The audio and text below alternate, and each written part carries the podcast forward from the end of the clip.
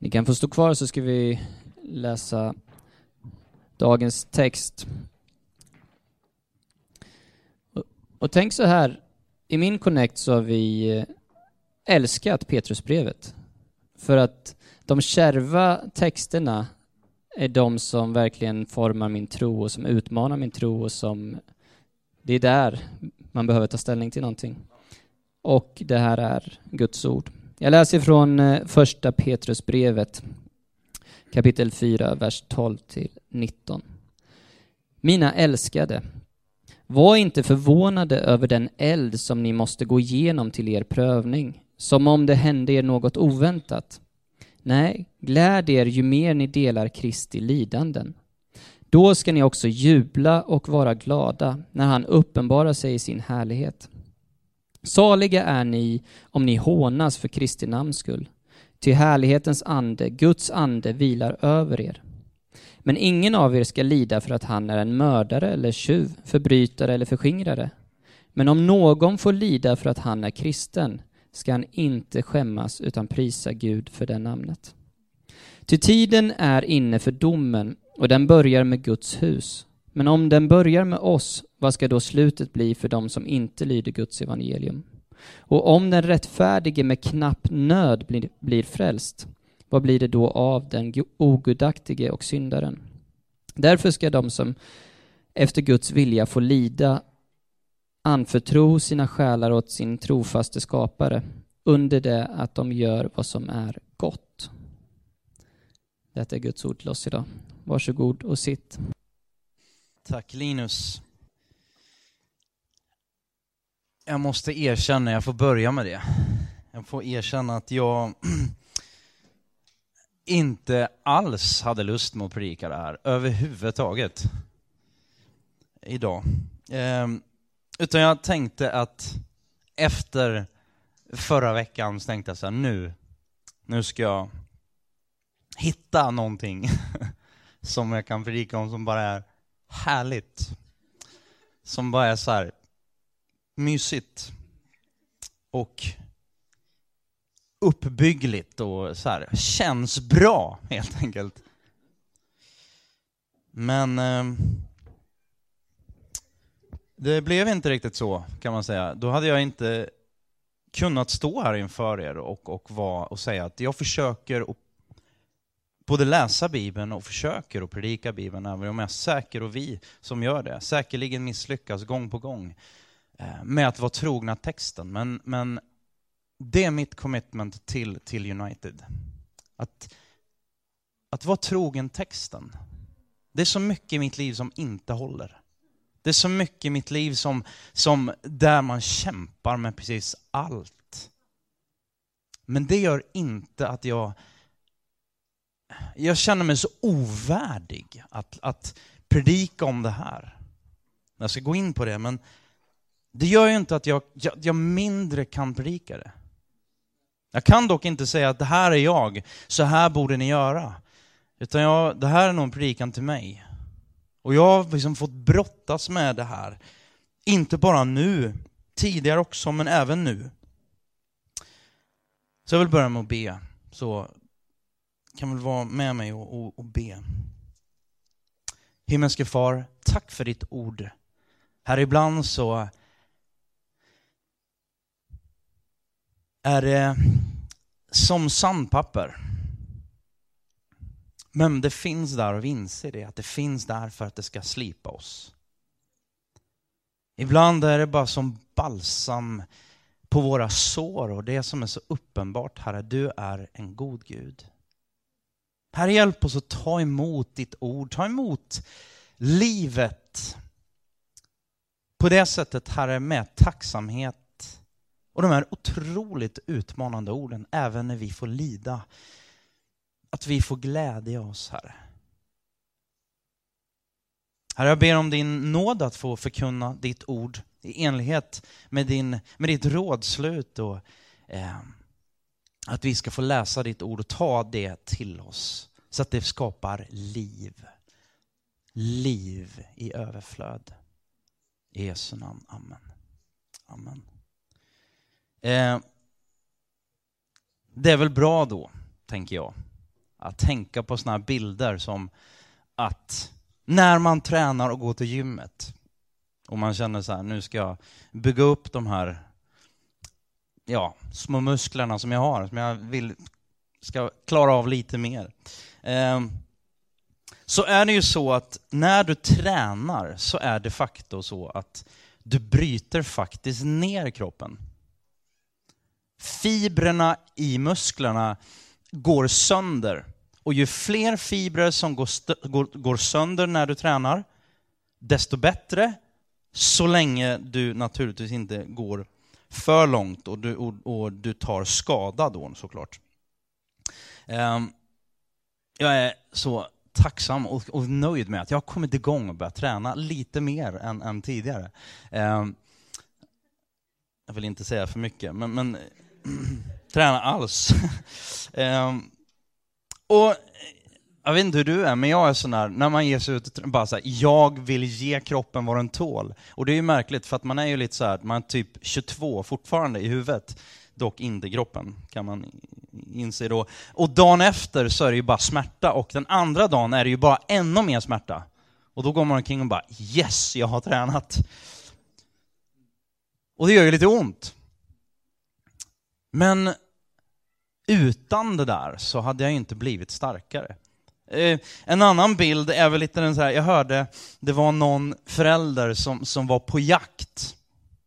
Och bara så här, nu är det ett bra läge. Det är ju aldrig något bra läge att barnen blir sjuka. Men nu är det ett bra läge. Våra barn har inte haft vattkoppor. Vem har vattkoppor? Dit åker vi. Och bara så här, liksom, hur frisk är den här föräldern på en skala från 1 till 10? Eh, kanske ganska frisk. Varför? Jo, därför att man vet som förälder att när man väl, under rimliga omständigheter, när man har haft vattkoppor en gång, så skapas det på något sätt någon slags immunförsvar mot det där och man blir liksom självvaccinerad. Alltså är det en smärta som föräldern vill att barnen ska ha, för att man vet att det är till styrka och att barnen kommer bli motståndskraftiga. Där någonstans tänker jag att vi behöver tackla en del av de här texterna. När det står att den som ska lida enligt Guds vilja och snappa, är Gud, den här doom and gloom-guden, kommer fram igen. Nej, det är en Gud som inser och vet mycket, mycket. Han har ett annat perspektiv. Det är ju inget barn som säger bara, jag vill ha vattkoppor, jag vill klia mig över hela kroppen, klia mig vansinnig i två veckor. Det, är ju inte, det vore ju ett sjukt barn som säger så. Eh, däremot kanske inte en lika sjuk förälder som bara, det är bättre att ta det nu. Än att få bältros när man är gravid och vuxen, alltså så här, då det kan få andra, helt andra konsekvenser. När vi läser de här, den här texten så är det en del av er som verkligen kan ta detta till sig. Petrus pratar om prövning specifikt, inte bara allmän prövning och allmän utmaning, utan specifikt för att man är en Jesu Kristi efterföljare.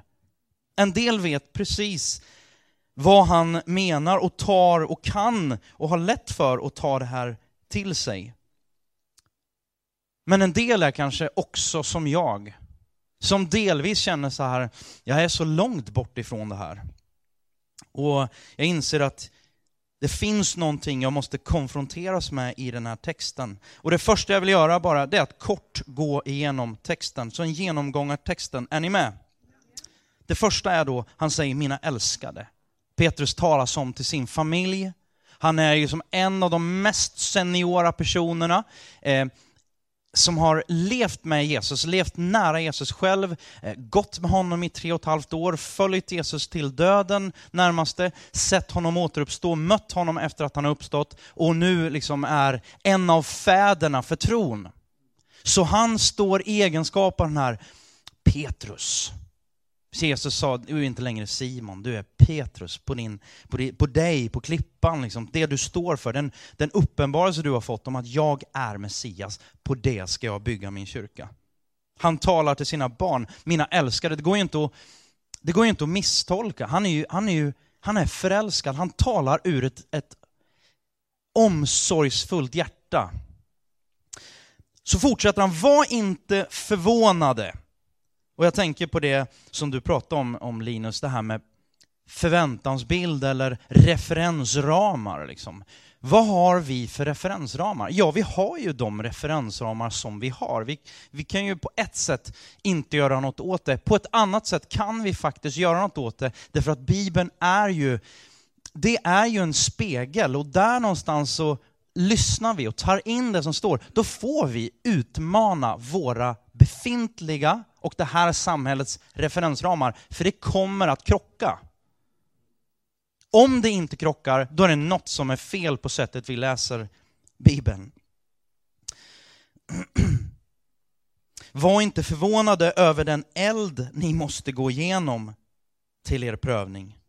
Han pratar om prövningar och så fortsätter han då. Då ska ni vara jubla, då ska ni vara jublande, ni ska vara glada. Saliga, till och med lyckliga, säger han, om ni hånas hånas för Kristi namns skull. För då kommer härlighetens ande, vad, vad är det han pratar om? Jo men Gud själv, Guds egen ande, den heliga ande, kommer att bistå er, vara med er, vara över er och hjälpa er på ett väldigt speciellt sätt. Mitt i den här prövningen. Lidande i sig är inte syftet kan man ju konstatera här då.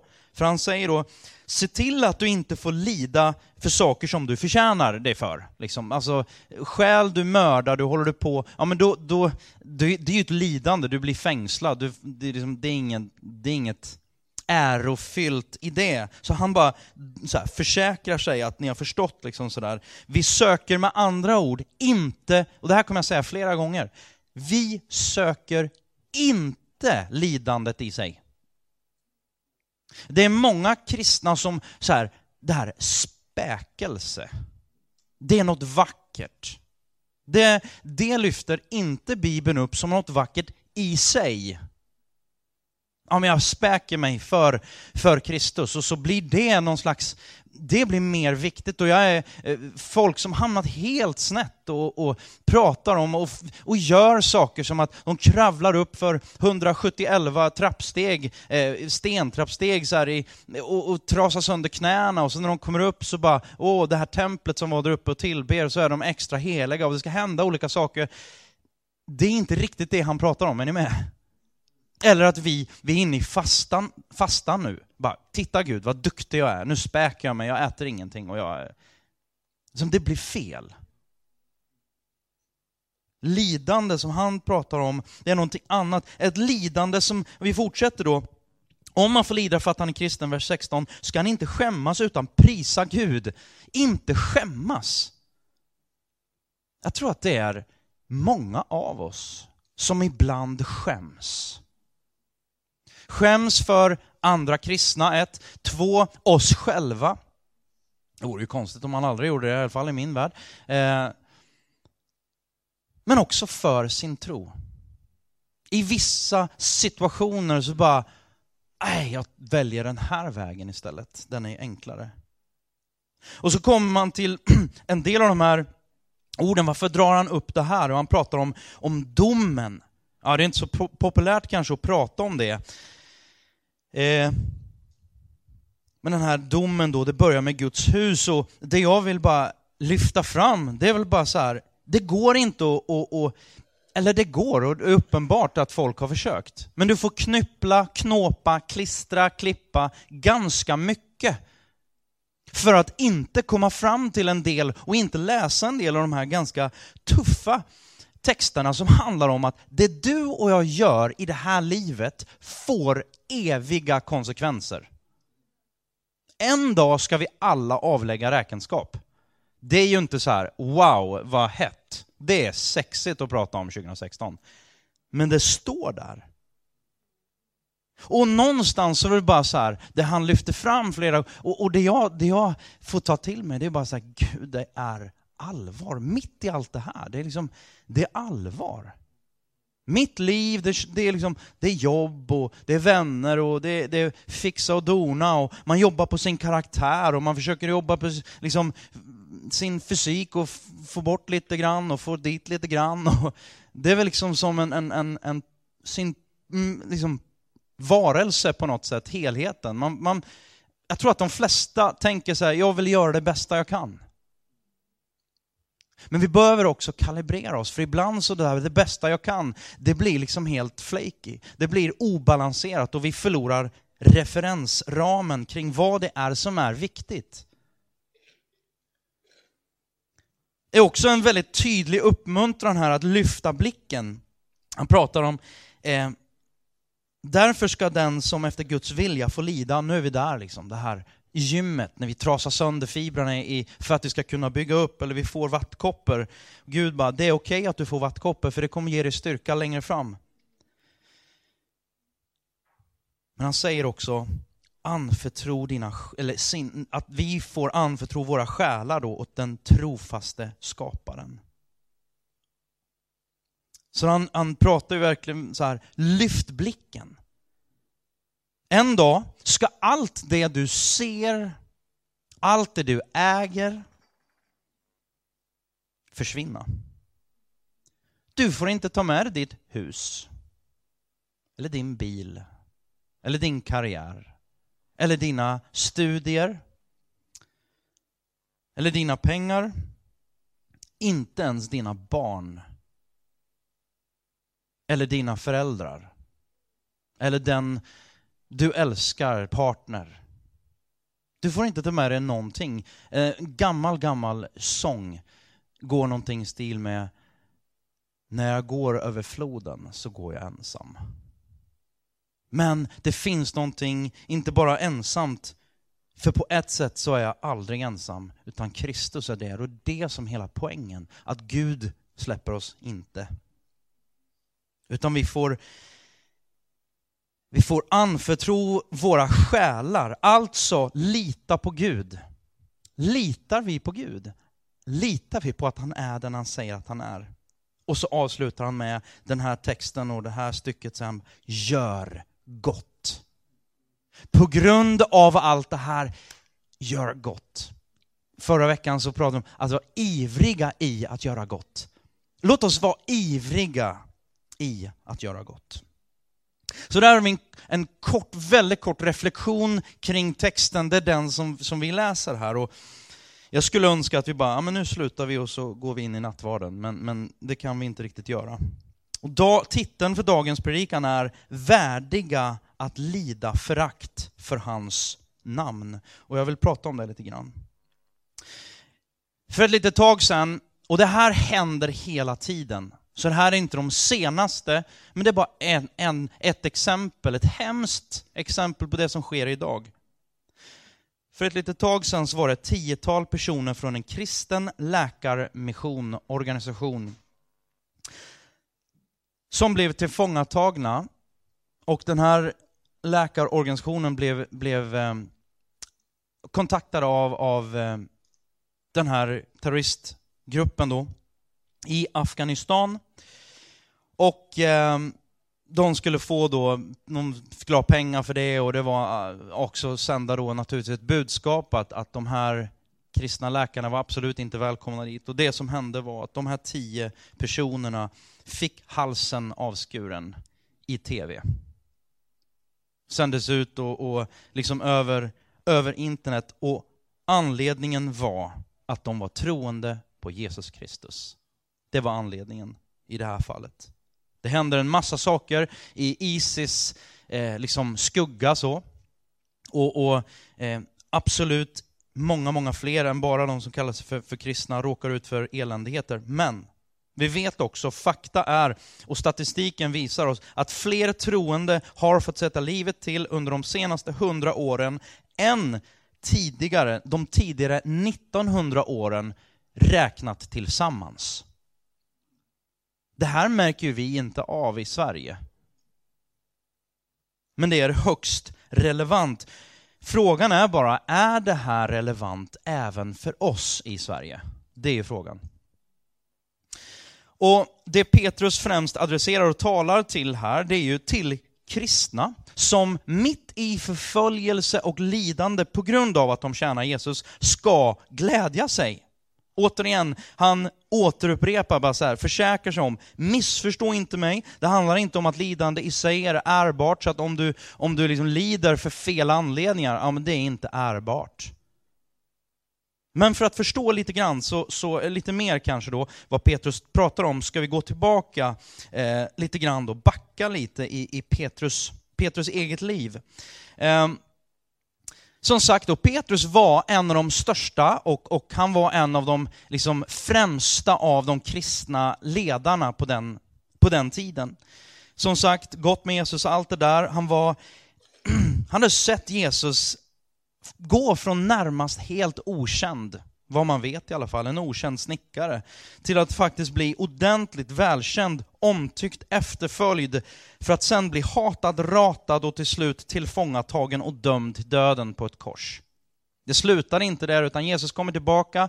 Han, han, Petrus har ju varit med då, eh, och han var ju den som förnekade Jesus. Sin absolut bäste vän förnekade han men Jesus inte bara förlät honom utan, utan liksom gjorde det han hade sagt att han skulle göra med Petrus. Och Petrus, han, han tjänar Jesus Kristus för resten av sitt liv och han är till och med beredd att dö, som kyrkohistorien säger, upp och ner. Fängs eller eh, korsfäst på ett kors, upp och ner.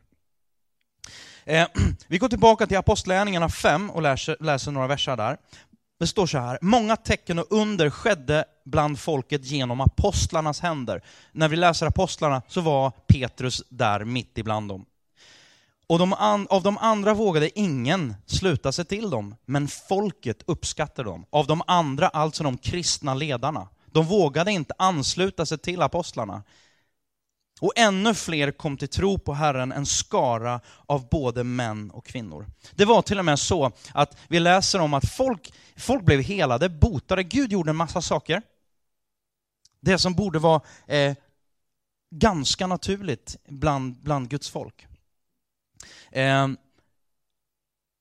om Gud har skapat jorden, planeterna, stjärnorna, hela universum, ja då tog det ju att rätta till en, en, frisk, eller en sjuk kropp till att bli frisk inte var det största. Sen kan vi inte förstå varför det inte alltid händer och så vidare. och så vidare. Men det hände här. Och det var till och med så, det hände så mycket att Petrus, eh, de, de, de tänkte så här, om vi bara kunde låta Petrus skugga falla på våra sjuka så, så ska de bli friska. Så att de, de la folk på gatorna när han gick förbi. Det var den nivån. Liksom så. Eh, han har varit med om en del Petrus. Vi snackar referensramar, är ni med? Har du och jag samma som han? Nej, kanske inte riktigt den. Kanske tur det. Han hade lite mer karaktär än vissa av oss andra, kanske alla oss. Ehm. Och de styrande i staden och de religiösa arenorna blev oerhört provocerade. Därför att folket bara älskar det här. De såg ju bara, det här är ju inte som de religiösa, det här är något annat. This is a whole nother level. Ehm, och så går vi vidare och tittar då, eh, de ställs då inför rätta, och så får de frågan, varför fortsätter ni? De, de, de pryglas, alltså de misshandlas. Och så Gud genom en ängel ser till att de fly, kan fly och, och kommer ut ur fängelset. Och så kommer de till fängelset där då dagen därpå ska hämta dem, så är de inte där, de är ute och predikar istället. Petrus och de andra apostlarna. Och då frågar de så här, de tar dem till fånga igen, och så är de lite försiktiga för de inser att okej, okay, de de kristna eller judiska ledarna, de inser att Petrus och de andra apostlarna är ju sjukt populära hos folket. Så vi måste vara lite försiktiga här. Men de tar dem ändå in och så förhör de dem och säger varför gör ni det här nu när vi har, vi har ju befallt er. Vi har förbjudit er att predika. Vi har förbjudit er att prata om Jesus. Och då svarar Petrus och apostlarna så här i kapitel 5, vers 29.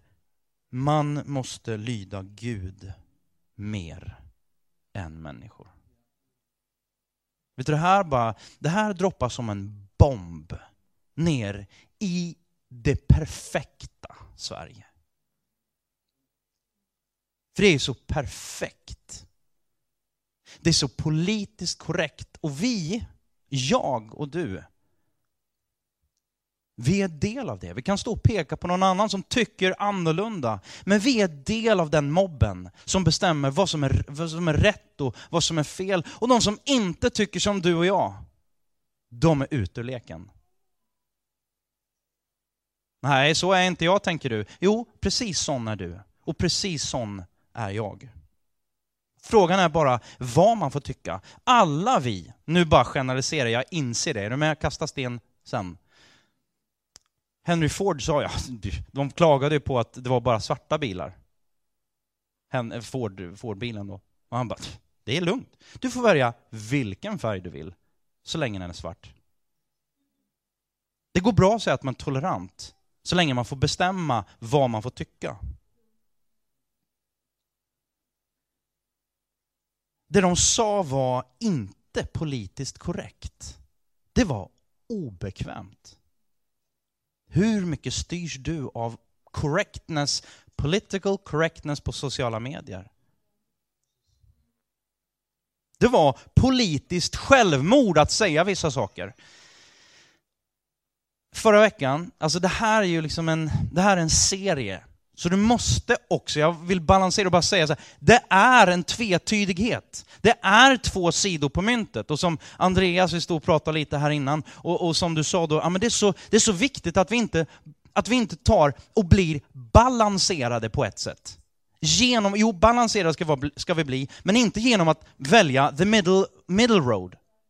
Utan vi måste ha både och. Det står att Jesus var full av nåd och sanning. Det står inte att han hade 50% nåd och 50% sanning, utan 100% sanning och 100% nåd. Det, då blir det två jättestora vikter.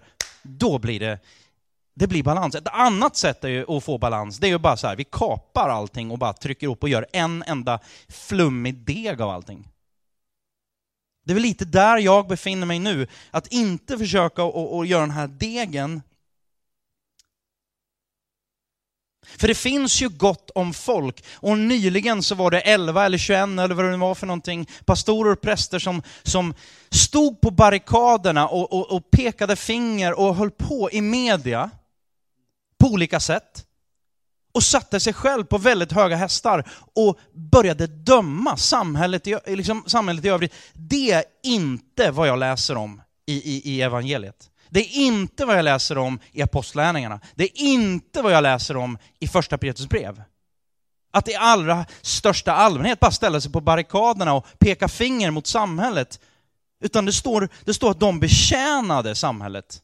De botade sjuka, de fanns till för människor, inte till för sig själva. Och det är väl där vi har brustit så många gånger. Så märk mina ord idag, jag talar inte om att vi ska sätta oss på några högra hästar, om vi nu hade några, vilket vi inte har. Och bli någon slags moralpredikande kristen höger, för att relatera till presidentvalet då kanske. Är du med? Alltså, det handlar inte om att, att bara så här, nu hittar vi några högra hästar. Och jag tycker att för mig är det otroligt viktigt att vi har syndabekännelsen i gudstjänsten. Därför att det är alltså, referensram för dig och mig. Vi är alla i samma båt. Det finns ingen som kan liksom, ja, ni fattar. Apostlagärningarna 5 då, 40-42, de kallade in apostlarna, lät piska dem när de sa det här då. Det är bara, det är liksom, vi, det är viktigare att vi lyder Gud än dig, än er.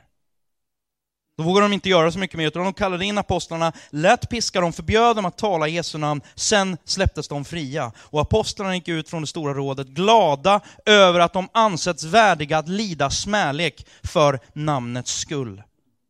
Varje dag undervisade de i templet och hemma i husen och predikade det glada budskapet att Jesus är Messias. Kort. Det finns naturligtvis olika former av lidande. Det första då, och jag satt noll på den, specifikt eller generellt lidande, som gäller alla människor naturligtvis. Och, och vi lever i en fallen värld, översvämningar, sjukdom, olyckor, eh, naturkatastrofer överhuvudtaget, allt, allt sånt. Men det finns också specifikt lidande för att du är troende. Och en kvinna som heter Karen Jobs, en, en teolog, hon skriver om de här fyra bitarna då, som är specifikt lidande för att du är troende. Den första biten då, disciplin. Discipliner, alltså bön, bibelläsning, fasta, givande, tionde, avskildhet. Alltså, det kostar på. Är ni med? Det är en viss typ av lidande. Vi har också att stå emot frestelser. Det här vill jag göra, men jag älskar Gud, därför väljer jag att inte göra det. Det kan komma en viss typ av lidande med det. Och vi har detta med att ge och att leva. Att ge förlåtelse och att leva i förlåtelse. Det kan föra med sig en viss typ av lidande. Det kan vara oerhört svårt om någon har sårat en väldigt, väldigt djupt. Det är också förknippat med en viss typ av lidande för att du är troende. Men det som Petrus talar om är specifikt egentligen ingen av de andra utan den sista.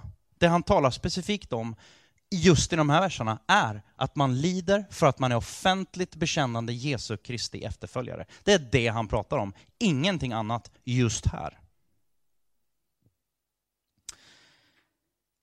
Samhället säger, var en troende om det känns rätt för dig. Så är det ju jättefint. Så länge du inte pratar för öppet om det, och särskilt inte om du försöker berätta och påverka någon annan. Stopp och belägg. Nu överdriver jag lite grann, jag inser det. Eh, men jag gör det för att make a point. Så ni får, ni får ta det.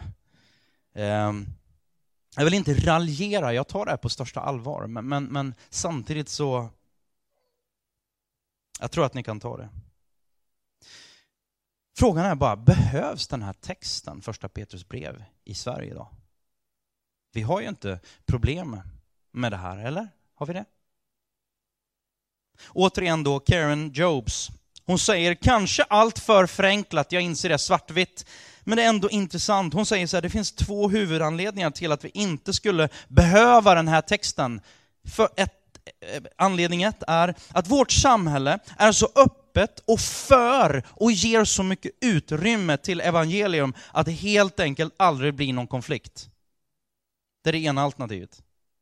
Och i hennes förenklade liksom, resonemang här då, så finns det det andra diket. Vi är inte öppet bekännande kristna i den mening som Petrus talar om här. Ouch. En annan bok som, som några av oss har läst och kanske fortfarande läser är Magnus Malms bok Som om Gud inte finns. Jag kan rekommendera den, där han pratar om att sekulariseringen i Sverige börjar inte i riksdagen eller på sociala medier eller någon annanstans. Den börjar bland Guds folk intressant. Vårt samhälle är så öppet. Vad är det han pratar om? Det är ju det här som Petrusbrevet handlar om. We are same, same, but also very different. Och det är den där ambivalensen som både du och jag har förmodligen. Bara, hur ska jag vara annorlunda utanför det här utanförskap? Det är vi liksom emot. På att, vi är emot att skapa utanförskap. Vi vill ju skapa ett, ett inkluderande. Men det kan inte, och det är den här tvetydigheten. Lyssna på, på den predikan från förra veckan, läs den texten själv. Hela Petrusbrevet. Men det är bara så. Same same but different. Vi har inga höga hästar. Och det är ingenting vi har att, att brösta upp oss. Det finns ingenting inför Gud som, som liksom bara, här är jag, i got it. Det är liksom inte som Ville, eh, nu gör han inte det lika ofta, men, men Ville var typ fyra, fyra och ett halvt och han sov ganska ofta så här mitt på dagen. Och vi hade folk över kanske så här och så vaknar han upp och hör att det är folk nere så här och så lite yrvaket så liksom kommer han ner för trappen för något år sedan sådär. Eller det hände nästan varje gång han kom, kom ner från trappen, just då när han sov eftermiddags eh, sin, sin nap. Nu är jag här! Nu kan festen börja, liksom så. Och ganska ofta så tänker jag att lite så är det med oss. Men vi har inte riktigt den, den vi har heller inte en, en, en bild av att vi, bara, vi, är, vi är helt värdelösa. Och bara, syndabekännelsen, ja, den är till för att trycka ner folk och bara, ja, det, är bara, det är bara doom and gloom och bara, nej. Vi har en stor och god Gud som ger goda gåvor. Vi kommer att prata om andens, andens frukt och hur det får växa i våra liv här efter påsk. Och, och Det kommer att bli fantastiskt, men, men just nu är vi här. Första Petrus brev. Det är klart att om livet med Gud har med livet med Gud att göra, då måste det ju vara någon skillnad. Eller? Jag tänker att det är högst rimligt. Jag tror att vi i kyrkan många gånger har skapat helt i onödan vi och dem. Dock, om vi, sam, om vi liksom fokuserar för mycket på samma samma, då blir det inget different. Och då gör vi ju ingen skillnad överhuvudtaget. Tänk dig en krydda som inte gör någon skillnad. Kul krydda. Kul salt som Bibeln tar upp. Om det gör, ja, men gör ingen skillnad, ja, men då kastar du inte i det där saltet i maten. Saltet är ju inte där för att, för att förstöra maten, eller hur? Saltet är ju faktiskt där för att förhöja smakupplevelsen, förhindra förruttnelse, etc. etc. Aha. Det är ju en hyfsat bra bild på kyrkan, tänker jag. Däremot blir det inget bra med en kyrka utan salt. Vi söker inte lidandet. Och ja, vi vill vara kända för vad vi är för, inte främst vad vi är emot. Är ni med? Men när du och jag är för liv, så är vi emot död. Det liksom går inte att vara för båda två. Även när det är totalt politiskt inkorrekt. Att prata om, om liksom, vad det nu är för några hetpotatisar vi skulle kunna lyfta upp. Vi skulle kunna rada upp den ena efter den andra. Men grejen är den att det är så lätt att vi hamnar i att, att poängen är som en slags moral, moralpredikan. Det är inte det som vare sig Jesus eller Petrus gör. Utan poängen är, vem är, vad är det som betyder mest av allt? Vi tar det här ordet evangelisation, och jag ska strax gå ner för landning. Evangelisationens två dyken, diken. Ett, vi trycker ner Bibeln i, i halsen, typ, på folk. Jag skulle säga att det är ett dike. är det diket som du och jag lever i? De flesta känner jag lite grann, och det är nog inte det diket vi lever i. Kanske, möjligtvis, om vi nu liksom tar totalt det andra diket då, det är att vi tänker att vi säger ingenting. Vi utmanar ingenting. Om jag umgicks och jag träffar en ny person och jag umgås under längre tid och det inte kommer fram att jag har en fru, att jag har tre barn och att jag är troende. Då, i min värld, så är inte hela Daniel där, inne i den relationen. Är du med? Det är ju av, av den anledningen som för mig, att det inte funkar, och för Bibeln, liksom, det här med att, att, att bli tillsammans och en dag gifta sig, skaffa barn med någon som inte bär de, den typen av övertygelse. Som inte bär tron på Jesus Kristus. Det är ju, det är ju som att gifta sig med någon som, om man nu har barn sedan tidigare, det är ju som att gifta sig med någon som inte tycker om ens barn. Det är för mig otänkbart. Är du med? Kanske en dålig bild. Men vad handlar det här om då? Vad handlar det om? Älska Gud, älska livet, älska människor. Våra tre ringar som vi har pratat ganska mycket om. Älska Gud, älska livet, älska människor. Och då kan vi vara awesome och jättebra på att älska Gud och älska livet. Men vad handlar det om att älska människor?